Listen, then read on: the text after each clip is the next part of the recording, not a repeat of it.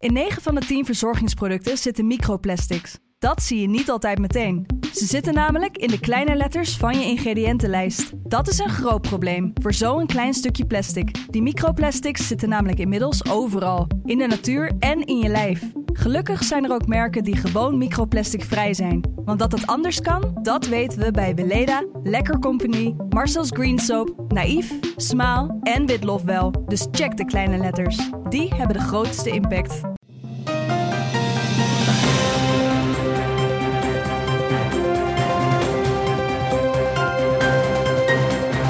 Dit is een podcast van de Telegraaf. In het land van Wierduk met Robert Ophorst. Het is uh, donderdag 22 april. Onthoud die datum, want het is een historische podcast. Wiert, weet jij waarom? Um, Uh, nee, dit hebben we niet besproken. Nee, dit hebben wij niet besproken, maar dit is de laatste podcast die we opnemen uh, met jou ongevaccineerd. Ja, dat, uh, dus vanaf, ja, dat klopt. Want vanavond ehm, is dan het moment waarop ik die AstraZeneca spuit krijg. Maar je krijgt ook echt AstraZeneca? Ja, dus vanaf nu ben ik ofwel dood, ja. of ernstig, weet ik veel, is er iets met mijn hersenen aan de hand, of juist gebeurt er niks en ben ik vanaf dat moment een gevaccineerde zestiger die um, op e-, enigszins uh, makkelijker waarschijnlijk uh, door het leven gaat. En dan volgt in juli of zo die tweede prik. Ja. En uh, nu ben ik dus het proefkonijn, omdat onder mijn volgers zitten natuurlijk allemaal mensen, of allemaal natuurlijk, maar er zitten veel mensen die zijn heel sceptisch over die vaccinaties. En, uh, en die vinden ook dat ik op het coronastandpunt een, uh, een verfoeilijke mening uh, ja. heb. Want ik vind namelijk gewoon dat vaccins werken. Maar zodra je gevaccineerd bent, bereikt die kritiek jou niet meer? Jawel, die kritiek bereikt mij nog wel. Maar als ik dus gewoon gevaccineerd word en er gebeurt verder niks, klopt. Dan ben ik het levende bewijs voor deze mensen uh, dat die vaccins uh, in ieder geval er niet toe leiden dat iemand uh, er zwaar onderuit gaat. En aangezien ze verder bijna niemand vertrouwen, hoop ik dat ze mij dan wel vertrouwen. Ja, zover reikt jouw invloed, denk jij? Nou, op, de, op een aantal van die volgers hopelijk wel. Um, maar het is wel echt wel interessant trouwens, het afgelopen jaar, om te zien hoe zich daar dus de meningen, hè, terwijl je over heel veel andere zaken gewoon eh, delen ze mijn analyses vaak wel, maar over COVID en uh, die vaccins dus mhm. helemaal niet. Nee. En hoe, dat, hoe hoog dat ook uh, kan oplopen. En zo, ja. Hè? Nou ja, in de regel is het toch ook gewoon heel gezond om het uh, af en toe hardgrondig met elkaar eens oneens te zijn. Ja, maar niet over de wetenschap natuurlijk. En heel veel mensen geloven niet meer in wetenschap. En die gaan, komen dan met allerlei obscure. Ja. Hè, iemand die, die tweette mij dan van het is een gentherapie. Uh, die mRNA-vaccins, weet je wel. En dan, nou ja, het is of gentherapie of niet, maar het is niet een gentherapie. Nou ja, over hoe, uh, hoe, hoe met, met, met welk, of, of de wetenschap ook altijd met open vizier uh, communiceert, daar gaan we het zo nog wel heel even ja. over hebben. Maar hoe voelt het nou? Voelt het als een, dit vooruitzicht als een bevrijding of een aanstaande bevrijding? Nou, een beetje wel. Kijk, mijn broer is al gevaccineerd. Een aantal mensen in mijn omgeving zijn gevaccineerd. En ik vind dan toch dat Kortom, je... je moet met meer jonge mensen omgaan. Nou ja, ik kreeg net een berichtje van mijn dochter. Die studeert, woont in een studentenhuis. En dat een van haar medebewoners nu weer positief getest is. En dat is toch weer heel veel gedoe. Want dan mijn dochter moet weer zo'n sneltest even kijken. En als die sneltest positief is, dan moet ze weer zo'n PCR-test en zo. Dus dat blijft gewoon. Die, die, die, die jongeren zitten ook al zo lang in die ellende. En uh, op, als ik niet gevaccineerd zou zijn. Uh, dan sta je toch weer anders in dat contact met uh, die generatie. En hey, ik hoop dus van, toch vanaf de zomer, als ik dan die twee prikken heb gehad, dat ik ja. dan in ieder geval daar, daarmee wat makkelijker kan omgaan. De voornaamste reden dat mensen als jouw dochter natuurlijk dan in quarantaine moeten, is ook omdat mensen van jouw leeftijd en ja. hoger of met een zwakkere gezondheid uh, het meeste risico Ja, precies. Want zij zelf lopen natuurlijk niet zoveel risico.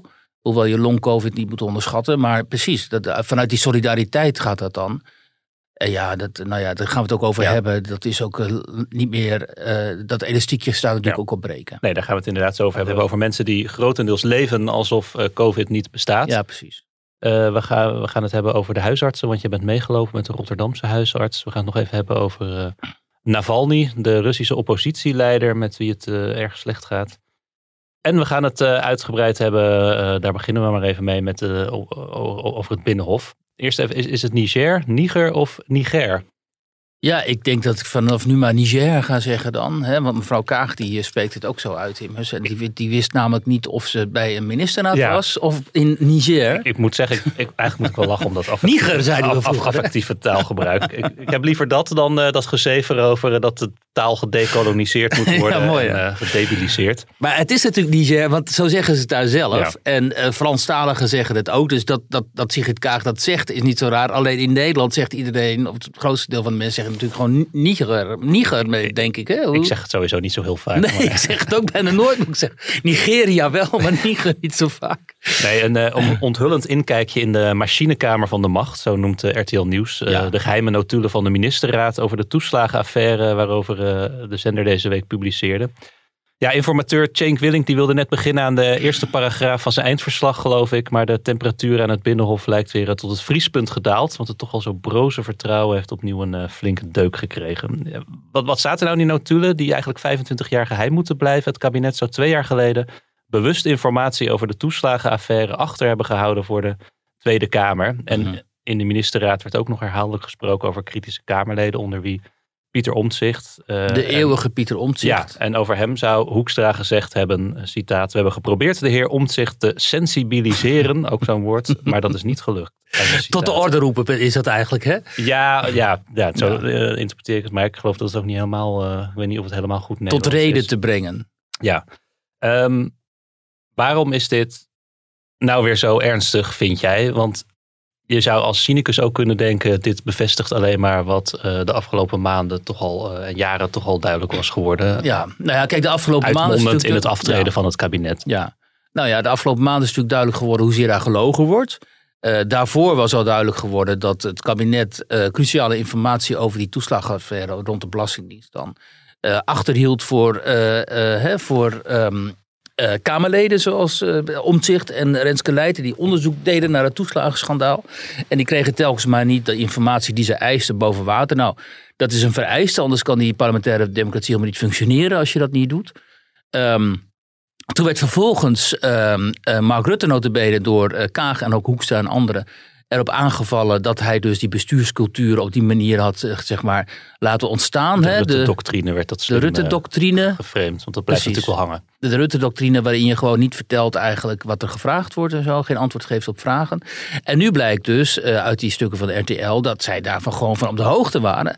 Dat Wopke Hoekstra notabene eigenlijk heeft meegewerkt aan het pogingen om omzicht eh, dan te sensibiliseren, zoals het in dit jargon heet. Dus door omzicht zeg maar eh, ehm, eh, te dwingen om zich wat, ehm, eh, zich wat gedienstiger op te stellen, laten we het zo zeggen. En, dus, en ook Sigrid Kaag heeft ervan geweten, omdat ondanks het feit dat zij veronderstelde dat ze in die bewuste ministerraad er niet was, omdat ze misschien in Niger was, Ja, bleek al dat- heel snel en dat door... van iemand die trouwens Rutte onlangs nog verweet een patroon van vergeetachtigheid eh, daar- daaraan te leiden. Nou ja, weet je wat dan het hilarische is? Hè? Er is zo'n eh twitteraar, die noemt zich Vrouw van de Vrijheid. En die zit gewoon in Drenthe ergens, eh zijn PVV-aanhangster. En die weet heel goed hoe die, waar ze documenten moet vinden. En prompt op het moment dat Sigrid Kaag dus zei van... ik weet niet of ik bij die ministerraad aanwezig was... had zij deze, deze twitteraarster al ehm, het document boven water gehaald... waaruit blijkt dat de Kaag dus gewoon bij die mi- ministerraad aanwezig was. Want, En want dat is wel een staaltje openheid. De agenda's van alle ministers worden gewoon eh, openbaar bij. Die zijn gewoon openbaar. En, ehm, en het, ja, weet je, en hier loopt. Kijk, dit is, eh, dit is essentieel. Hè? Omdat in feite zien we nu dus een constitutionele crisis. Omdat hier de grondwet wordt overtreden. De, eh, je, je wordt geacht, dus als kabinet, als, hè, eh, eh, als uitvoerende macht, om de wetgevende macht, het parlement, van informatie te voorzien die het parlement vraagt. Want als je dat niet doet, dan kan het parlement niet functioneren. Daarom, hè, dat gaan we zo meteen ook horen, daarom stond Pieter Omtzigt op een gegeven moment echt ook te schreeuwen. Ik ben wit heet van woede omdat hij vond, ja, ik, ik word geacht hier een soort Sherlock Holmes te zijn. Terwijl ik ben, ik moet mijn werk kunnen doen als parlementariër. Als jullie mij dus saboteren daarin, in het uitvoeren van mijn werkzaamheden, dan, dan, dan nemen jullie mij niet serieus. En daarmee kom je, daarmee, dat is niet een persoonlijk probleem voor mij, maar daarmee kom je aan de grondvesten van de afspraken in ons eh, parlementair democratisch bestel. Dit is echt heel pijnlijk. Opzet Schuld, dat zijn mensen die dus onterecht beoordeeld zijn als fraudeur. Ik noemde net het voorbeeld wat dat betekende voor mensen. Ouders die hun kinderen kwijtraakten. En dan vragen we je maand na maand om. En we moeten wachten op de commissie Donner, die er niks over concludeert. En de commissie Donner krijgt de stukken niet. We zitten hier Sherlock Holmes te spelen. Dit is geen detectiveje. Maar dat is wat er de afgelopen drie jaar geworden zijn in deze Kamer. Dus ik vraag, behalve dat relaas, en ik neem dat dat terstond wordt toegezegd, over wie dit weggehouden heeft bij Donner. Ook graag een gesprek tussen de minister-president en de voorzitter van de Tweede Kamer over hoe dit kon gebeuren. En van dat gesprek wil ik binnen een week een verslag hebben. Ik ben wit heet. Wit heet dat dit soort dingen. We zitten het hele weekend te onderhandelen omdat we zogenaamd het niet weten. Het ministerie wist het al acht maanden. En al die acht maanden zitten die ouders in de ellende, worden het huis uitgezet. En ze weten het, het wordt niet aan de commissies meegedeeld. Wat voor werk ben ik aan het doen, voorzitter? En en, de, en de trend nu bij dit kabinet en bij die tien jaar Rutte is dat daar telkens dus de hand mee is gelegd. Dat daar telkens gewoon de grenzen van die constitutie eigenlijk worden opgezocht. Zonder dat, en, en Mark Rutte komt er altijd mee weg. Hè, want die loopt met een grijns, loopt hij weer te zeggen, oh nou dat wist ik niet. Oh nee, dat had geen actieve herinnering aan. Er is niks raars gebeurd, zegt Er is niks raars gebeurd. Hè? Omdat in zijn wereld uh, is dat niet raar. Want in zijn wereld ga je dus zo uh, met die parlementaire democratie om. Mm. En dan heeft um, Sigrid Kaag heeft er opeens ook geen fysieke herinnering aan. Dus ze, ze, ze verzinnen ook een heel jargon om zeg maar, zich eruit te worstelen uit die, uit die leugens. Daar komt het op neer. En uh, in elke fatsoenlijke functionerende democratie zou je denken, is einde verhaal. Hè? Wat onze columnisten Nausicaa Marbe ook op Twitter zetten. Um, voor al deze mensen mag niemand meer terugkeren op een ministerspost, natuurlijk. Ja, dat lijkt mij ook vrij logisch. Alleen in Nederland functioneert het niet zo. In Nederland is het dan zo. Al deze mensen gaan terug hier op een ministerspost. En uiteindelijk heb je dan Gert-Jan die ook nog eens keer gaat zeggen. Ondanks dat hij het zogenaamd het geweten van het parlement uithangt. En altijd zo worstelt met gewetenskwesties en ethische kwesties en zo. Die gaat uiteindelijk ook zeggen ja... Maar ja, in het licht, gezien in het licht van de crisis en de situatie waarin wij verkeren, uh, moet ik nog één keer met mijn hand over het hart strijken. En dan komt Mark Rutte komt gewoon voor de tweehonderdste keer of zo weg met, met zoiets. En, en, en dat vind ik dus onbegrijpelijk, omdat keer op keer op keer zijn er momenten waarop die parlementaire democratie wordt uitgehold. En waarom is het nu zo dat in andere landen ook in landen die vanuit Nederland vaak worden gezien als halve bananenrepubliek hè, of als slecht functionerende uh, democratieën. democratieën, dat daar dan die mensen gewoon wel weggaan en in Nederland niet. Ondanks, hè, ook, ik las ook een volle uh, column in de Volkskrant van uh, Charles Talsing, met wie ik het meestal niet zo eens ben, maar nu wel, die dan, die dan ook schrijft, ja, normaal gesproken stap je dan op. Mhm. hè? Zo werkt, dat, zijn de, dat is eigenlijk de deal. Even nog over Rutte, want ehm, als je als journalist dit soort informatie krijgt, dan moet je altijd afvragen: waarom krijg ik dit? Of waarom, waarom wordt iets gelekt? Ja. Kijk, het was natuurlijk wel zo dat uh, eerder, ik, uh, ik geloof dat het in januari was, dat er toen uh, ook door Kaag en Hoekstra werd aangedrongen van hè, dat moet allemaal openbaar, want de Rutte-doctrine. Toen heeft Rutte gezegd van oké, dan gaan we het ook openbaren. En op, op deze, de, de, de notulen uit de ministerraad van deze datums. Ja. En toen kwam het besef bij die, bij die anderen van, oh ja, wacht, dat zijn uh, vergaderingen waar wij ook bij, of bijeenkomsten waar wij ook bij waren. En daar hebben wij misschien ook dingen gezegd die niet zo uh, handig waren, of althans, die, uh, die, die, die, misschien negatief op ons, af, of op ons afstralen. Of zoals wij vandaag ook in de krant schrijven, opeens zitten Hoekstra en Kaag ook met hun vingers tussen de deur. Ja. Kan natuurlijk ook zo zijn dat het uit VVD-hoek komt, dat dit, dat dit nu op straat ligt. Juist omdat dit aantoont dat iedereen er eigenlijk bij betrokken was en iedereen zich eraan schuldig heeft gemaakt. En daarom komt Kaag nu met een soort Rutte-esk excuus van uh, ik, ik, heb er geen fysieke herinnering meer aan. Misschien was ik er niet bij. We gaan nu eerst een uh, brief opstellen. Dat moet allemaal zorgvuldig gebeuren. Dan komt er een debat en dan gaan we verder. Kijk, kortom, schrijf het even voor mij uit. Ja, en uh, dat, dat is ook zo. Maar waar het ook vandaan komt, het zijn allemaal signalen uit van verrotting. Hoe dan ook. Hè? En, uh, en het kan zijn dat de ene partij denkt: oké, uh, wij gaan nu die andere partijen zwart maken of meetrekken het ravijn in, omdat wij niet als enige verantwoordelijk willen worden gemaakt voor die bestuurlijke cultuur en zo. Maar het begint natuurlijk elders. Hè. De, de, de, zoals de Russen zeggen, de vis begint aan de kop te rotten. En daar is die rot al heel lang gaande. En we zitten nu ongeveer bij de staart, weet je wel. En het is net of ze dat in Den Haag niet zien. Ja, een aantal mensen ziet dat wel. Hè. Die loopt dus ook al jaren. Hè. Zoals, van, zoals Leiden en ook Azarkan trouwens van Denk. En, en, uh, uh, en Omtzigt natuurlijk en een aantal anderen. Die lopen al een hele tijd gewoon ook te roepen van... Wat, hoe kan dit? Mm Wat gebeurt hier, weet je wel? Waar, wij, zijn, wij zijn acteurs in een heel slecht toneelstuk geworden. En de rest zit daar maar gewoon... En stemt dan weer in meerderheid hè, voor. En, en houdt het kabinet in het zadel. Of houdt in ieder geval uh, Rutte in het zadel. Hè, zoals we gezien hebben met die motie van, uh, van afkeuring en zo. En, dat, en zijn deel dus van die verrotting.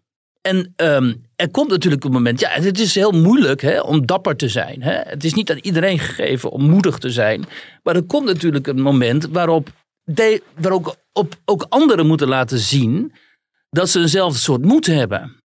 Zoals die omzicht uh, tentoon heeft gespreid al een hele tijd. Maar die mensen die kijken natuurlijk naar omzicht. En die denken, die collega is niet alleen een hele tijd uh, hier in het, in het parlement zwart gemaakt. En het leven is hem onmogelijk gemaakt. Hij zit nu met een burn-out thuis. Um, dat wil ik niet, want ik heb hier een lekker inkomen. Ik, heb een of ander, ik ben woordvoerder op een of ander deeldossier waar niemand op maalt verder. Mm -hmm. Ik ben net in die Kamer gekozen. Hè? Ik ben nog jong. Ik heb een politieke carrière voor me. Ik ga niet nu al mijn, uh, de, de stoelpoten onder mijzelf weg, wegzagen. Want, waar, want waarom zou ik? Ik zie een uitgeputte omzicht en een uh, emotionele uh, Renske Leijten. Dus die mensen die, ehm, die gaan afwegen moed tegenover opportunisme. En dan worden ze gewoon natuurlijk opportunist. Want in de politiek is dat ook geaccepteerd dat je opportunist bent. Hè? Ik bedoel, Mark Rutte is daarvan nogal een voorbeeld, lijkt mij. Um, en al die andere mensen in het kabinet inmiddels ook. En dan gaat er niks veranderen. En um, uiteindelijk is het meest interessante natuurlijk nog dat dan de, de kiezers uh, uh, deze politieke kasten daar niet op afrekent. Afrekenen en uh, voor dezelfde mensen stemmen. En um, ja, dan, dan, dan hoef je dus ook niet. dan kun je gewoon met de mond beleiden dat je die bestuurscultuur, dat je daar iets mee gaat doen. Macht en tegenmacht. Hè, dat je die tegenmacht dus gaat optuigen en zo. En dat je zelf ook gaat... Nieuw leiderschap. Ja, maar dat is natuurlijk zo'n wc-eend praatje ook. Maar ja, de mensen, die, de, de, mensen in het land, een groot deel daarvan, die, uh, die zal het allemaal, uh, of ze geloven erin, of het zal ze uiteindelijk worst zijn. En dat laatste, dat is wel iets wat ik wel steeds vaker hoor, moet ik zeggen dat de gewone burgers wel heel erg op afstand zijn gekomen van die overheid. En zoiets hebben van jongens, jullie bekijken het maar. Ik uh, geloof jullie niet meer. Uh, het zal allemaal wel. En als we uh, moeten stemmen, dan oké, okay, dan stemmen we wel. Maar we zijn er, doodmoe van.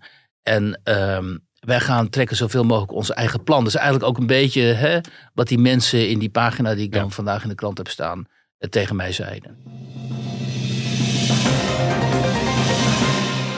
Over die mensen gaan we het zo nog even hebben. Maar laten we inderdaad uh, overgaan naar corona. Uh, jij bent deze week meegelopen, of jij loopt nog mee. Ja. Uh, met, met, met onder andere huisarts Martijs van der Poel. Ja. Huisarts in Rotterdam. Wat is dat voor man? En wat is dat voor praktijk? Nou ja, je hebt in Rotterdam heb je een, ik heb met een aantal huisartsen daar gesproken die vooral in die achterstandswijken daar actief zijn. En uh, die, uh, dat was een aanleiding van die oproep van Matthijs van der Poel. Dat de huisartsen dat, uh, een opdracht hebben gekregen eigenlijk vanuit de overheid en vanuit het RIVM. Om, die ze eigenlijk niet aan kunnen. Namelijk om een heel groot deel van de mensen die gevaccineerd moeten worden te vaccineren. Naast hun reguliere taken. Ehm, en um, nu, als je dan met ze praat, dan krijg je dus anekdotisch heel veel verhalen te horen. Bijvoorbeeld over hoe moeilijk het werd nadat AstraZeneca, dus dat vaccin, uh, uh, nadat daar problemen mee ontstonden. De pauzeknop werd ingedrukt. Nadat, de precies, nadat de pauzeknop werd ingedrukt. En er rond het vaccin allerlei verhalen de ronde begonnen te doen. En het vaccin dus reputatieschade opliep. Om, en zij prikken met dat vaccin om nog mensen bereid te krijgen om zich eh, te laten vaccineren. Dus die, die bereidheid die daalde naar echt een dieptepunt. En, waar, en, en terwijl die artsen die zagen ondertussen ook het aantal besmettingen bij hun uh, naar een hoogtepunt uh, gaan. Omdat, zeggen zij, zij te maken hebben met populaties die heel erg gemixt zijn. Hè? Dus daar wonen iets van 100 nationaliteiten of zo in die wijken. Echt, dat is enorm. Nou ja, 100 jaar, maar dat is wat mij verteld werd. En, uh, dus het zou best kunnen. En, uh, maar dat ga ik nog checken, mensen. Dus uh, ik ben er niet op vast. Maar in ieder geval, er wonen heel veel verschillende nationaliteiten. En dat zijn niet alleen maar Turken, Marokkanen en zo. Maar het gaat de Kaapverdianen, ja. Oostblokkers. Heel veel mensen uit Westers allerlei... en niet-Westers mogen we niet meer zeggen. Precies, Westers, niet-Westers door elkaar. En grote gezinnen op kleine ruimtes. Dus je hebt gewoon gezinnen, vader, moeder, zes, zeven kinderen. En dan in twee, drie kamers. En die lopen elkaar natuurlijk te besmetten. Moeder is ziek, maar dan. En wat is... maken die nationaliteiten dan uit? Nou, die zijn heel moeilijk. Uh, ten eerste besmetten ze uh, elkaar dus in die kleine ruimtes, uh, die grote gezinnen. En ten tweede zijn ze heel moeilijk te bereiken, omdat ze vaak de taal dus niet goed mm -hmm. spreken. En, uh, en ze komen dus nooit op, overheids, op, op websites van de Nederlandse overheid, waarin hen duidelijk wordt gemaakt dat ze zich moeten laten vaccineren of dat er rond het AstraZeneca-vaccin eigenlijk niet zoveel aan de hand is. Maar die mensen horen dus spookverhalen. Uh, en die zeggen tegen die dokter: Ja, maar dokter, ik begin er niet aan. Hè? En, of, en ze komen niet eens naar de oproep. Dus dan gaan die, die van de Poel en zijn collega's gaan die mensen bellen in hun uh, tijd die ze ook zouden kunnen besteden aan reguliere zorg. Uh, en die moeten dan, zeggen ze, soms een half uur of drie kwartier op die mensen inspreken. En dan nog zeggen die mensen, ja, toch maar niet. Soms wel, hè, waardoor ze die, uh, dat percentage gevaccineerden weer wat omhoog krijgen, naar 60% of zo. Maar ook gewoon vaak niet. Um, en, um, en wat er dan gebeurt bijvoorbeeld is dan, hè, Van de Poel die heeft dan bijvoorbeeld op maandag iemand gesproken, geprobeerd te overtuigen om zich te laten vaccineren. Die heeft afgezegd. Uh, en de volgende week belt diegene op, ja, uh, ik ben positief getest. En dan zit je dus met die ziekte. En dan zegt hij, en kan ik niet alsnog gevaccineerd? Maar dan moet hij uitleggen, ja, dat heeft geen zin als je al, weet je wel, besmet bent. Dan, dan te vaccineren op dat moment, dat is vrij zinloos. Nou, ik bijvoorbeeld, ik heb een vrouw die me vandaag belde, 63 jaar, astmatisch, reumatisch. Hè, die ik toch dacht vorige week dat ze zou komen. En die zei, ja, ik haak af. Maar haar broer heb ik een half jaar geleden met een saturatie van 80 ingestuurd. Hij heeft een twee maanden op de IC gelegen. Weinig zuurstof. He, rollator uh, loopt hij nu, 61 jaar. Je denkt toch, die vrouw gaat er zeker voor. Ja. En die, die wou niet. En, en maandag vanochtend he, had ze teruggebeld van ik wil toch wel. En dan moet ik gaan bedenken, ja, ik heb er nu nog 22 over. Mm -hmm. Eén ampulletje kan je met een beetje mazzel er 11 uithalen. Maar ik heb er inmiddels misschien nog wel een paar die willen. Ja, dat zijn allemaal en die mensen raken helemaal overwerkt. Want Van de Poel ook, die, um, die werkt zo hard. Die mensen werken echt 24-7 en dan zeven dagen per week. Je kunt hem ook de hele tijd appen en zo. En dan krijg je gewoon antwoord. Uh, nu ook weer kreeg ik app van hem dat hij achter een ambulance uh, aanreed van, met een van zijn patiënten erin. Die dus ook zwaar uh, door COVID is aangetast en naar het ziekenhuis gaat en zo. En um, ja, dat zijn dus echte verhalen uit het veld. Uit, uit de brandhaard. Um, en uh, zo'n huisarts die baalt dus ook vreselijk van zo'n uh, vaccinatiestop. Omdat zo'n huisarts natuurlijk ook wel, die wil gewoon prikken zoals ze zeggen. Gewoon ja. doorprikken zo snel mogelijk, zodat er immuniteit ontstaat en die druk afneemt. En, dat, en hij zegt ook van ja, weet je, die, die paar honderd gevallen van trombose wereldwijd hè, bij jonge vrouwen. Ja, dat had natuurlijk geen reden moeten zijn om die vaccinaties uh, stop nee. te zetten. Dat, dat, dat is ook niet normaal. Dat was in een tijd zonder sociale media ook helemaal niet gebeurd natuurlijk. Hè. En nu wel, iedereen zit elkaar op te fokken op die sociale media. Dat merk ik dus ook, zoals ik eerder al zei. En dan ontstaat er, uh, ja, dan neemt die bereidwilligheid uh, tot vaccinatie, uh, die, die, neemt enorm af. En zij zitten met de gebakken peren, want ze krijgen en die mensen die zich niet willen vaccineren in de praktijk, en ja. de mensen die ziek worden. En de reguliere zorg begint bij hun te stokken. En jij zegt net ook van, zij moeten uh, hun patiënten vaccineren naast hun uh, gewone werk. Dus ja. dat, dat, nou ja, dat, dat doen ze natuurlijk met uh, volle overgave. Maar het klinkt ook een beetje alsof ze eigenlijk liever hadden gehad, misschien dat het door de GGD. ja, natuurlijk. Maar jij zegt ook van ja, het is al, al voor die huisartsen die eigenlijk zo diep in die wijk zitten en die patiënten zo goed kennen, al zo moeilijk om die mensen te bereiken ja. en te overtuigen. Ja, als dat van de GGD moet komen, dan lijkt me dat helemaal een hels karwei. Ja, dus in die dat... zin snap ik misschien wel dat die huisartsen juist de aangewezen personen zijn om die moeilijk bereikbare groepen. Ja, snap ik ook wel, ja. Um, alleen die huisartsen, ik zat um, uh, in zo'n. Uh, al, al, al toen het plan werd geopperd om de huisartsen ook deels voor die vaccinaties in te gaan schakelen. Toen was er al onder huisartsen in appgroepen en telegramgroepen en zo enorme consternatie. Mm -hmm. Want die mensen zeiden onmiddellijk zo van ja, maar dat gaat helemaal niet lukken natuurlijk. Hoe moeten wij dit in vredesnaam gaan doen? Helemaal als je dus he, alleen staat in, in een praktijk. Ja, en een, mil, een totaal miljoen prikken per ja, bizar. Dus, um, eh, dus het had inderdaad een soort militaire operatie moeten worden eh, uitgevoerd door de GGD. Maar ja, als je al die verhalen leest over hoe de GGD's zijn uitgekleed in de afgelopen jaren, hoe daarop bezuinigd is en uh, hoe die ook totaal niet waren voorbereid op zo'n infectiepandemie. omdat mm -hmm. er vanuit werd gegaan dat infectieziektes eigenlijk wel zo ongeveer waren uitgeroeid. Um, dan, zie, dan, is het zo, dan is het echt een cluster van problemen die zich hebben opgestapeld. En dan ook nog eens enorm zwak uh, kabinetsbeleid. Hè. Hugo de Jonge heeft natuurlijk aan alle kanten gefaald. Hè, er had gewoon een soort militaire operatie uh, moeten worden opgetuigd met iemand aan het hoofd die gewend is om gewoon opdrachten te geven. En die had gezegd van oké, okay, zo, zo gaan we het doen. En de politiek moet even op afstand. Ik krijg hier de volmacht om dit te organiseren. En dat gaan we ook doen. Nou, Hugo de Jonge die wilde zelf shinen. Dus die wilde bij elke patiënt die een prik krijgt, wil hij een selfie kunnen maken, zo ongeveer. Hè? Heeft hij ook gezegd, van ik had voor geen goud willen missen dit jaar. Uh, ja, en dan krijg je dus, uh, terwijl, hij helemaal geen verstand heeft van, van organisa organisatie en Um, en hoe je dit, uh, kennelijk heeft hij dat niet, en hoe je dit uh, moet optuigen allemaal.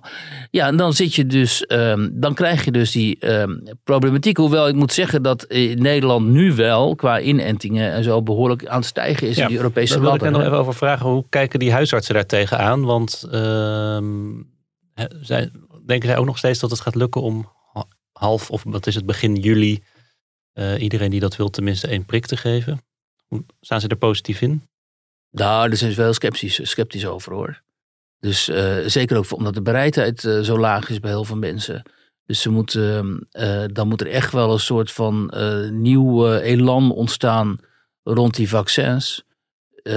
wil je die mensen naar, de, naar die priklocaties krijgen? Dus, maar goed, ik ben er vanmiddag weer, dus dan ga ik dat nog eens even goed vragen ook aan die mensen die daar geprikt worden. Van ja, hoe, zijn jullie, hebben ze jullie moeten overhalen of ben je hmm. zelf gegaan? Ja, dat zijn ook wel mooie verhalen, weet je wel. Want um, wat één zo'n mevrouw, zo'n vrouwelijke huisarts dan zegt, uh, mevrouw Nussler, die zegt dan van ja, weet je, um, we dachten dat het, of, of, ons werd verteld, het gaat een beetje zoals met de griepprik. Maar ja, bij die griepprik, hè, die mensen komen allemaal, die komen al jaren, die, die, die lopen de wachtkamer in. Of die lopen de praktijk in, die krijgen die prik in een eh, prik en zijn weer weg. Mm -hmm. Maar nu moet je dus een locatie optuigen waar uh, mensen 15 minuten moeten wachten. Ja, hoe doe je dat dan? Dus heeft ze op een gegeven moment maar op de parkeerplaats bij hun uh, voor de deur heeft ze dan uh, op anderhalve meter telkens zo'n cirkel gemaakt en daar ja. stoeltjes neergezet. En daar moesten die mensen dan maar gaan zitten in weer en wind. En ze zegt van ja, maar ja goed, ik krijg natuurlijk ook, ook mensen, hè, die zijn een jaar of zeventig en zo, die zeggen joh, ik ga echt niet een kwartier wachten. Ik ga gewoon naar de winkel en uh, ja, als ik, uh, als ik instort, omdat ik toch rare bijwerkingen krijg. Ja, want dat kwartier wachten, even voor duidelijk, dat is na, na de prik moet nog even een kwartier lang toezicht zijn om te zien of ja. er geen uh, nare bijwerking optreedt. Precies, of je niet opeens een, een, een, een shock krijgt. En, um, en dat zijn dan van die Rotterdammers die zeggen: joh, het zal, me, het zal allemaal wel. Ik heb wel vaker prikken gehad in mijn leven. En ik ga even naar de winkel. En als ik daar in shock raak, dan belt de, de cashier je wel. En dan, uh, en dan zien we wel verder. En, die, nou ja, die, en, die, en ze zegt: ja, die mensen kan ik natuurlijk ook niet tegenhouden als ze hier het hek uit. Ik kan ze moeilijk vastbinden aan het hek. En, um, ja, met, en met dat soort problemen krijgen die huisartsen allemaal te maken. Hè? En, en, en daar is dus gewoon helemaal niet goed over nagedacht. Want inderdaad, hoe ga je een groot aantal mensen gewoon 15 minuten lang rond jouw praktijk laten wachten? En ook nog eens keer die anderhalve meter in, in, in, um, in ogenschouw uh, nemend. Um, ja, dat zijn allemaal typisch van uh, die plannen en programma's en modellen die uh, ergens door ambtenaren worden bedacht. En dan in de uitvoering blijkt het dan praktisch niet haalbaar te zijn. Dus uh, ik benijd ze niet, maar ik heb wel heel groot respect voor hun uh, arbeidsethos en de betrokkenheid van deze mensen bij hun uh, patiënten. Ja. Dus alle shit die zij over zich heen krijgen, ook op de sociale media en zo, dat is ook allemaal zo onterecht en beschamend. Dus dat moeten mensen ook wel eens weten, dat ze zich niet op die manier over artsen moeten uitlaten. Jij sprak eh, deze week voor jou in Nederland ook met een, met een aantal mensen die behoren tot een, tot een groep Nederlanders die zich eigenlijk zo min mogelijk probeert aan te trekken van, uh, van corona en van de regels. Dus eigenlijk zoveel mogelijk gewoon het leven leidt zoals ze dat uh, willen leiden en voorheen leiden. Um, hoe moet ik dat dan voor me zien? Zijn dat dan mensen die gewoon met, met, met z'n dertig binnenshuis afspreken? Nou, niet met z'n dertigen misschien, maar wel met uh, gewoon de hele familie. Um, Geen afstand houden, elkaar in de armen vallen. Ja, het is wat genuanceerder. Dus, dus ehm, het is zo dat. Ik denk dat het zo is zoals een man mij vertelde. Die is zelf dan in een dertiger. Die heeft een gezin. En die zegt: Joh, eh, eh, wij zijn hartstikke sportief. We eten goed. eh, we zijn kerngezond. Ehm, en we kunnen onze eigen verantwoordelijkheid wel ongeveer inschatten. En die zegt ook van ja, die overheidsmaatregelen, ik, eh, ze zijn zo tegenstrijdig. Want de treinen zitten mutje vol, maar je wordt wel geacht anderhalve meter, eh, als je buiten bent, anderhalve meter eh, afstand in acht te nemen. Hoe dan? Hè? Als je uit de trein, en het is natuurlijk ook zo, dat zijn ook echt, en daar is die overheidsinformatie ook op stuk gelopen, omdat ze, er zitten veel te veel paradoxen in. Ja, in dat bedoelde ik ook in het begin van deze podcast toen ik zei dat de wetenschap bij monden van de overheid ook niet altijd even helder Nee, precies. gecommuniceerd heeft. Dat heeft ook Nee. te maken met die ander meisje zegt hè, van ja, ik zet die, mond, die mondmaskers wel op in de winkel. Eh, maar ja, hoezo eigenlijk? Want nog Jaap van Dissel zei nog kort geleden van ja, mondmaskers, dat maakt, met deze mondmaskers, die maken geen enkel Nee. verschil. En die bieden alleen maar schijnveiligheid. Dus deze mensen zijn ook niet gek. Die kijken naar die persconferenties en die kijken naar Van Dissel en die lezen ook wel eens een krant en zo. En die denken, ja, dit is allemaal zo met elkaar in tegenspraak. Eh, laten we gewoon eh, de meest basale regels in acht nemen. Dus als je echt ouderen treft, je opa en oma, en die zijn wat bangig, ja, dan neem je afstand, eh, hè, dan houd je Mhm. afstand en je zoent elkaar niet en zo. Maar in het algemeen leven deze mensen gewoon toch wel als voor corona, in die zin dat ze bij elkaar komen met barbecues buiten. Er zijn feestjes, de jongeren die houden feestjes. Hè. Dat is ook wel bekend dat er in de, vooral in de provincie, eh, hoewel in de grote steden misschien ook, maar op het platteland wordt er gewoon flink feest gevierd in die, eh, in die eh, feestketen en zo. Ehm, eh, en, ehm, en ze balen er enorm van dat ze dus niet ehm, gewoon kunnen werken. Eh, Ik sprak één ondernemer, fitnessondernemer, eh Jordi Snijders hier uit Amsterdam. Die eh, is powerlifter, voormalig Mhm. kampioen, Nederlands kampioen powerlifter. Ja, en die kan, en die is ook personal trainer. En die kan makkelijk eh, mensen trainen eh, buiten zijn, zijn eh, sportschool. Dus zegt nou, dan tuig ik gewoon buiten wat, wat op en dan train ik wel met hun buiten. Dat doet hij ook wel. Maar hij zegt van ja, maar ik kan, ik word nog zo belemmerd eigenlijk door Mhm. al die regels. Ehm, en ja, die, die baat er natuurlijk vreselijk van. Maar het is interessant om te zien hoe, hoe nog zoveel mensen, Nederlanders, toch hun eigen plan trekken. Ook tot en met mensen, hè, die, eh, ik sprak een meneer uit eh, de buurt van Tiel. Is al wat ouder, eh, achter in de zestig. En gewoon goed opgeleid en zo. Ja, en die heeft zich, omdat hij vond dat de media, de, de, de mainstream media zoals het heet, zo'n eenzijdig beeld geven, is hij zich via alternatieve media gaan informeren. En die, ja, en die is nu in het stadium dat hij denkt van ja, maar dit zijn allemaal leugens. Hè? Ik geloof er niks van. En ik trek mij helemaal nergens meer van aan, want hier is duidelijk, dit is dus duidelijk een soort complot om ons burgers eh, onder de duim te houden en ervoor te zorgen dat eh, wij nog zo min mogelijk contact met Ja. elkaar hebben, zodat we elkaar niet eh opruien. Maar Kijk, dit is toch het, dan het prototype van wat we dan oneerbiedig wel eens de coronawappie noemen. Ja, maar en toch is hij dat niet. En, eh, hè, want eh, uiteindelijk is, zegt hij gewoon, ja oké, weet je, ik laat me niet vaccineren, maar als jij je wilt laten vaccineren, dan, dan ga je gang. Dus het zijn geen ideologen of zo die zeggen, hè, zoals Willem Engel dat natuurlijk wel is, die zeggen van eh, vaccinaties eh, zijn er, die zijn er bedoeld om de, ik weet niet of Willem dat zegt, maar in ieder geval er zijn voldoende mensen die zeggen, vaccinaties zijn ervoor bedoeld om ons allemaal in het gelid te krijgen en de helft van de wereldbevolking uit te roeien, omdat, hè, om iets te doen aan de overbevolking. Zo, dat soort mensen heb je ook. Maar goed, niemand uit het stuk wat, wat ik geschreven heb redeneert zo. Eh, maar en, en, en ik vind ook dat ze voor een deel gewoon terechte kritiek hebben. Omdat ehm, als jij, zoals de hoofdredacteur van de Volkskrant zei, eh, zegt... ehm, in tijden van crisis moeten we de overheid, het overheidsstandpunt niet al te zeer bevragen. En ons eigenlijk gewoon meer opstellen als doorgeefluik van die overheid. Ja, dan maak je jezelf natuurlijk ook enorm verdacht. Helemaal omdat deze overheid zo enorm bleek eh, te falen in, in de aanpak van deze crisis. Hè. Toen, dat is nu ook weer gebleken uit eh, stukken die door eh collega van Nieuwsuur zijn gewopt, zoals het heet. ehm, waaruit blijkt dat ehm, het kabinet en het RIVM aanvankelijk heel duidelijk toch voor die groepsimmuniteit gingen. Eh, hè, wat het, die Ja. term is destijds ook gewoon door Rutte gebruikt. In zijn eerste tv-speech. En Ja. daarvan zei hij later, ja, nee, het was geen is nooit een doel op zich geweest, maar Ja. het is een gevolg geweest van het beleid. Maar uit die stukken eh, zou dan blijken dat het wel degelijk eh, Kudde-immuniteit werd het al genoemd. En- beleid was. In Ja, ieder geval in het begin. Ja, ja precies. En, eh, en destijds hebben toen een aantal echt deskundigen, zoals ehm eh, Friedrich in Groningen, die, die gingen onmiddellijk, liepen die te hopen. Hè? Want die Friedrich vooral, die zei toen, ja, maar dat kan helemaal niet. Je kunt geen groepsimmuniteit bereiken zonder vaccin.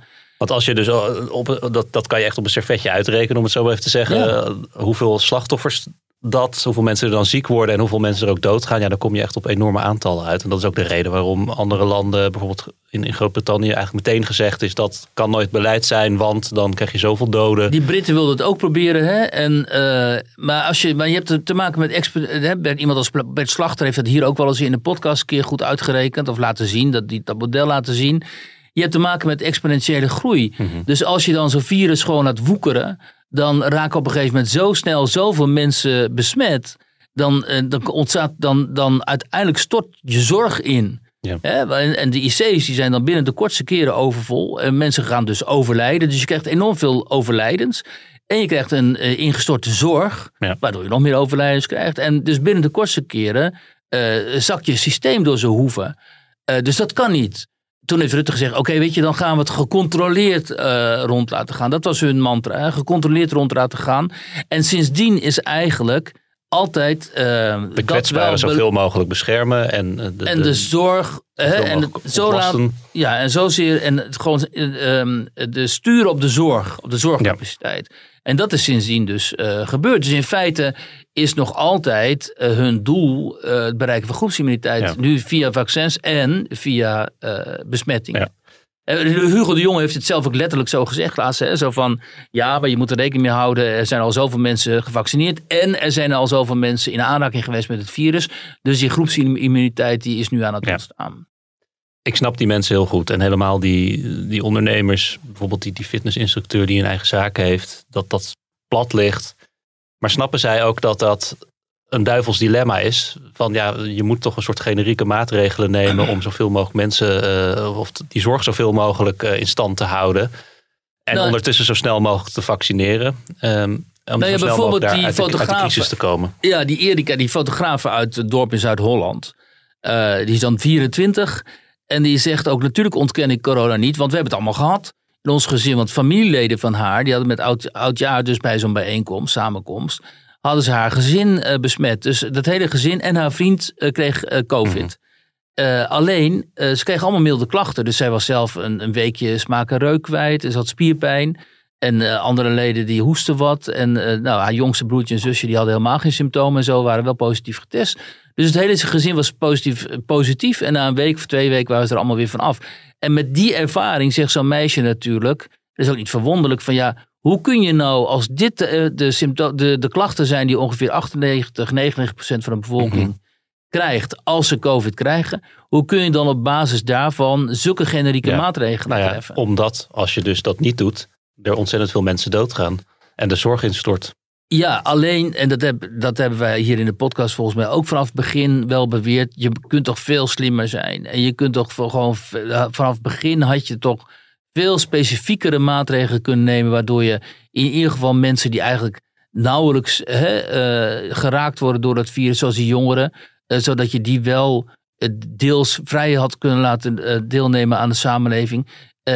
Maar dan moeten zij wel de verantwoordelijkheid op zich nemen om dan vervolgens niet, hè, als ze klachten hebben, in contact te gaan met ouderen, met de oudere generaties en zo. Maar dat had allemaal op een hele intelligente, rationele manier volgens mij gecommuniceerd kunnen worden. En nu ging het zo van eh, aanvankelijk, oké, weet je wel, we gaan het virus laten woekeren. Dat was bij de eerste persconferentie van Rutte zo. Tot aan, oké, we gooien nou de hele samenleving op slot. En we gaan echt iedereen eh, raken. Dus we schieten nou even gewoon met hagel. Ehm, ja, dat, en, en nu gaan we weer versoepelen op een moment. Op een moment dat de besmettingen en de ziek, eh, hoog zijn en de ziekenhuizen vol liggen. In Rotterdam liggen die ziekenhuizen gewoon nu Ja. helemaal vol. Hè? Hoe is dat dan weer in overeenstemming met elkaar te brengen? Dat is dus een politiek besluit onder druk van de samenleving. Terwijl de, de medische eh, situatie er helemaal geen aanleiding Nee. toe geeft. Ja, het, ik, kijk, ik snap dat het moeilijk is. Maar een beetje intelligenter had dit allemaal nog aangepakt eh, kunnen worden. eh. En ook wel iets met iets meer empathie door iemand als Hugo de Jonge en iets minder eh zelfsdaarstelling, zoals de Duitsers zeggen. Dus eh, het laten zien van hoe hij, hoe goed hij hiermee bezig is aan, aan, aan- de hand van het posten van allerlei selfies. Het viel me wel op tijdens die laatste persconferentie.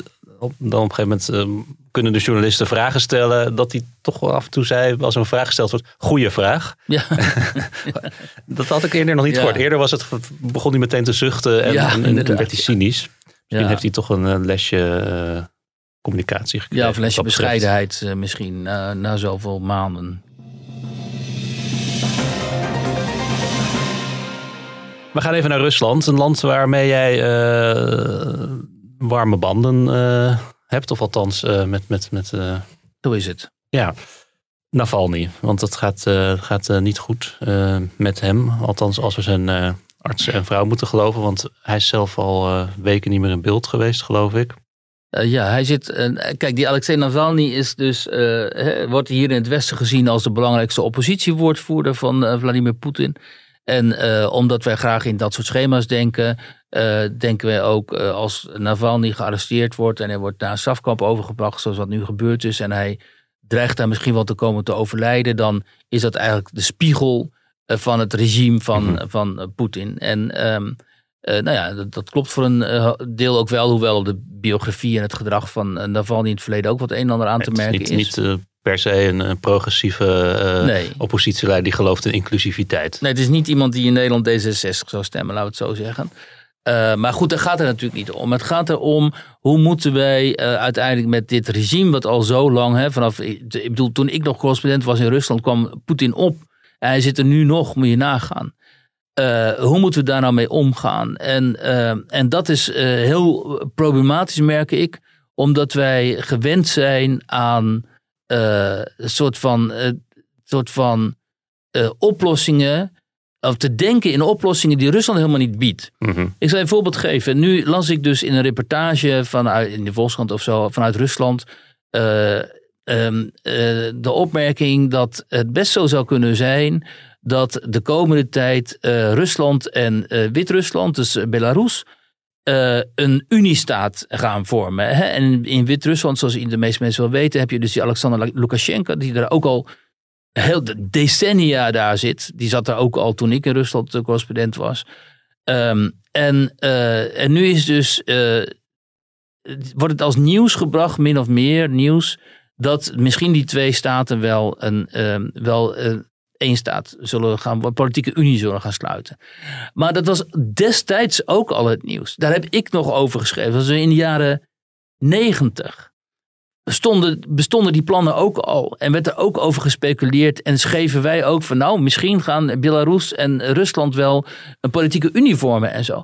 En nu is dat weer, en zo, daaruit zie je, en dat is het interessante met dat eeuwige Rusland. Um, hoe langdurig en hoe lang en stroperig uh, die ontwikkelingen uh, daar zijn. En uh, wat ook een, wat, en dat moeten mensen begrijpen, iemand als Poetin, die gaat niet zomaar volgende maand of over twee maanden of over een jaar of zo gaat hij weg. Dat, dat, dat duidt dat verleden natuurlijk ook op. Hij is aan de macht gekomen twintig jaar geleden en hij is nu nog steeds aan de macht. En dan kunnen mensen wel hopen hier in het Westen dat doordat er demonstraties uh, zijn geweest in Rusland rond uh, Navalny en doordat er nu nog steeds hele dappere Russen de straten opgaan, ondanks dat ze gearresteerd zullen worden, althans het, het risico lopen gearresteerd te ja. worden. Um, en aan de hand van die demonstraties kunnen wij wel hopen, of althans mensen hier in het Westen, wel hopen dat uh, Poetin op, stap, als, op zal stappen. Maar dat, dat gaat helemaal niet gebeuren. En die hele die tragedie rond Navalny, die terug is gegaan notabene uit Duitsland, om in Rusland, uh, weer naar Rusland en toen onmiddellijk gearresteerd is. En die nu misschien komt te overlijden. Zelfs als ko komt hij te overlijden, dan zal nog dat regime uh, niet echt aangetast worden en niet instorten. Mm -hmm. Dus wij moeten eigenlijk op een hele andere manier uh, daarnaar kijken. Maar wat vindt de gewone Rus, uh, voor zover die bestaat, hier dan van? Ik snap dat, dat je, tenminste, ik snap, kan dat maar moeilijk indenken, want wij leven hier in een vrije samenleving. Maar dat, dat je niet de straat op durft om te demonstreren, of althans Uh, nou ja, dat je dan het risico loopt inderdaad om gearresteerd Nou te ja, worden. dat Dat je dus niet iedereen zich zal uitspreken. Maar, Dat is natuurlijk al generaties het geval. Hun, hun opa's en oma's. Maar vindt, mensen vindt, die nu een vindt de beetje gemiddelde jong- Rus ook dat dat... Ja, vindt hij dit ook een schande? Dat zo'n man wordt afgevoerd naar een strafkamp? Nou, dat hangt helemaal van eh, de, de, de Russen af. Eh, maar het, het, wat daar in de, genetisch inmiddels wel zo. Het collectief bewustzijn is daar zo. Dat zij heel goed weten dat hun grootouders, hun overgrootouders. voor een heel groot deel in de kampen van Stalin terechtkwamen. En dat eh, hun andere familieleden nog tot aan, zeg maar, Gorbachev hebben geleden onder die eh, Sovjet-dictatuur. En vervolgens ging dat land een beetje meer open. En ontstond er die enorme chaos in de jaren negentig onder Yeltsin. Toen mensen in ieder geval niet meer in die kampen terechtkwamen. Maar wel enorm verpauperden en aan armoede en aan honger overleden. Omdat die economie helemaal op zijn gat lag. En sindsdien is er eh, onder Poetin een soort van status quo ontstaan. Waarin de repressie niet zo lang niet zo is als onder Stalin. Eh, en zelfs niet zoals on- onder de, de, de periode daarvoor. Er Maar- heerst een, een, zekere rust, orde en eh, voorspoed. Ja, maar waarin inderdaad wel een middenklasse heeft kunnen ontstaan.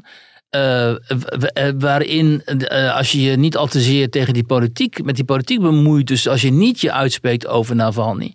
En als je je niet politiek bewust opstelt, je een vrij rustig, eh, normaal Ja. leven kunt rijden. Tot aan corona ook met reizen naar het buitenland. Hè, naar, naar Turkije, Griekenland, noem maar op. Azië, het stroomt helemaal vol met Russische toeristen. Dus die vrijheid eh, genoten zij. En, eh, en dan waren ze wel, een groot aantal van die mensen was dan bereid om dan die, die, die, die wat mildere repressie onder Poetin, om die voor lief te nemen. Maar nu zijn we toch wel in een andere situatie beland geraakt, denk ik. Vanwege corona. Corona de- eist natuurlijk een enorme tol, ook eh, economisch gezien. Ehm, en ehm, de uitzichtloosheid wordt zo groot, omdat mensen.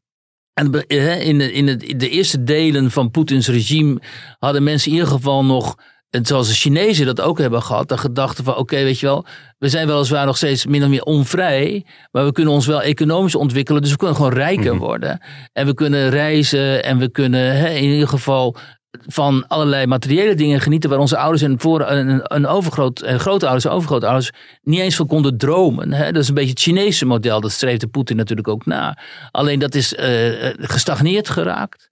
Ehm, en nu is het vooral heel, voor mensen met talent en mensen met ambitie, is het eh, heel deprimerend natuurlijk, omdat ze weten of je conformeert je aan het systeem en dan mag je binnen dat systeem van Poetin, mag je dan een radertje zijn. Ja, of je moet uiteindelijk uitwijken naar, hè, naar het buitenland, naar de Verenigde Staten bijvoorbeeld, als je echt goed bent en talent hebt. En dan raken heel veel van die Russen komen dan in Silicon Valley en zo terecht. Eh, maar en voor de, de, de gewone Rus, hè, de, de, de moeder van mijn dochter bijvoorbeeld is Russin. En die woont weliswaar eh, buiten Rusland, maar die houdt zich al maanden bezig heel erg met die Navalny-kwestie. En is er heel ook erg emotioneel bij betrokken en zo, omdat ze ziet ook.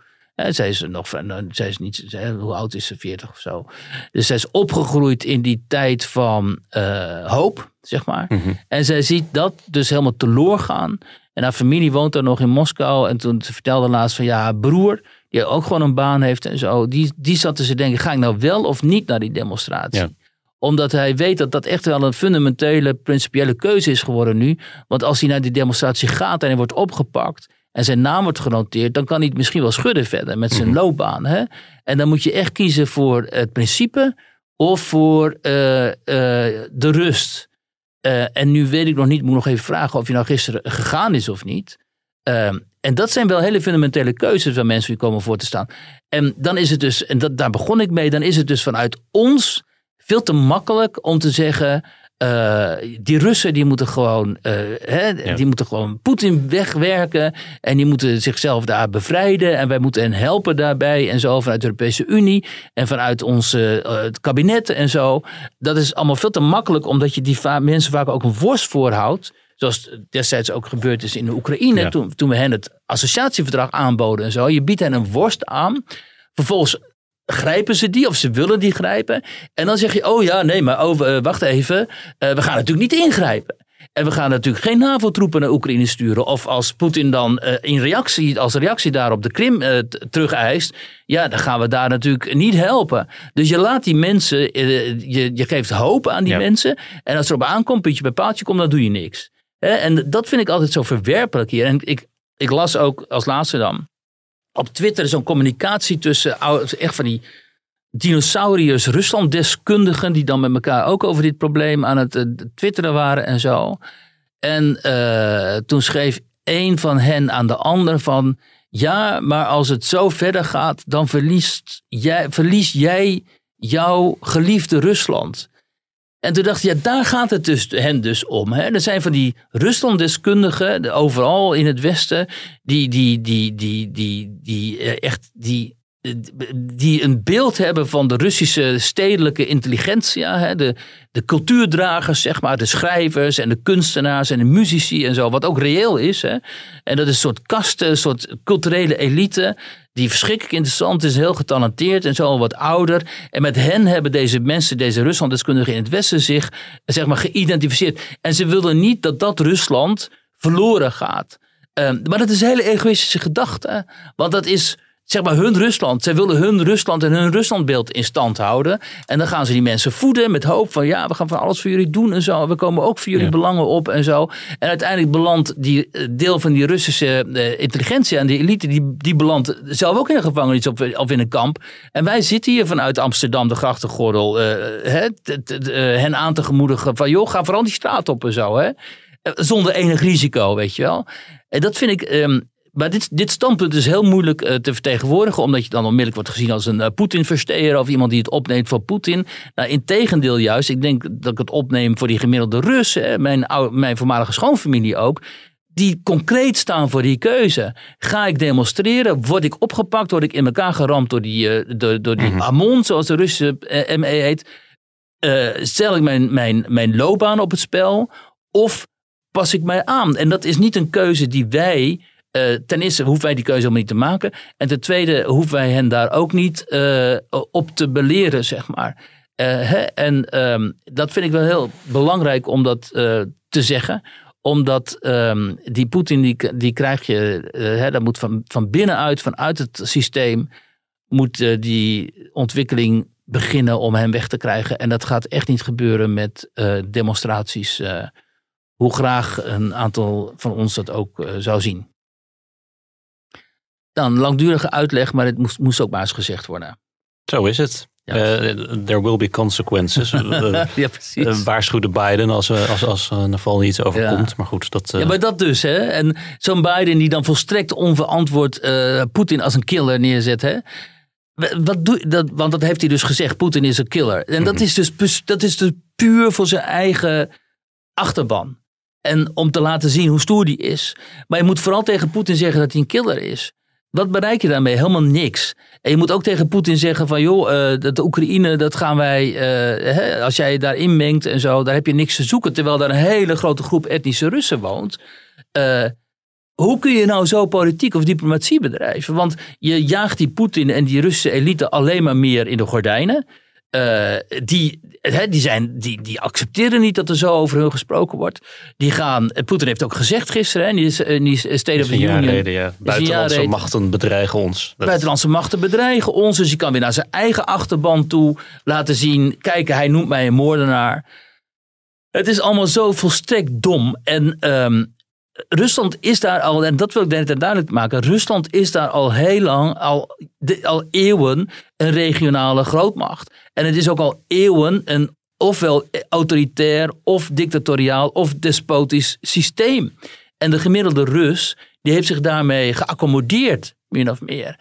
En dat is de werkelijkheid waarmee we mee te maken hebben. En waarom kunnen we dat wel met China, wat net zo despotisch is, zeg maar, hè? of autoritair in elk geval. En waarom kunnen we dat niet met uh, Rusland? Wat, wat, wat, is dat toch? En uh, ik, ben ervan overtuigd als wij Rusland op een gegeven moment anders hadden benaderd. Uh, en hè, zowel met meer diplomatie als ook wel aan de andere kant met meer echt hard power. Dan waren we nu in een hele andere situatie geweest. maar dat is niet gebeurd. En Joe Biden die begint weer precies dezelfde fouten te maken als eerder voor Trump. het geval was. En ziet alleen maar de situatie rond Oekraïne te, te, escaleren. En nou ja, het is niet dat mijn hart vasthoudt, maar ik vind het allemaal zo onverstandig. We gaan er ongetwijfeld de komende weken verder over doorpraten. Yes. Dat was hem voor nu, denk ik. Ja, nu op naar Rotterdam en dan naar de Prik. En daarna naar de Prikstraat. Yes. En dan, uh, nou, dan, dan hopen we hier volgende week weer te zitten. Halen we het spatscherm weg? Nee hoor, dat uh, blijft nog even staan nee. in de podcaststudio. Wiert, uh, hartstikke bedankt weer. Ja, Robert, dankjewel. En alle luisteraars ook weer bedankt en graag tot volgende week.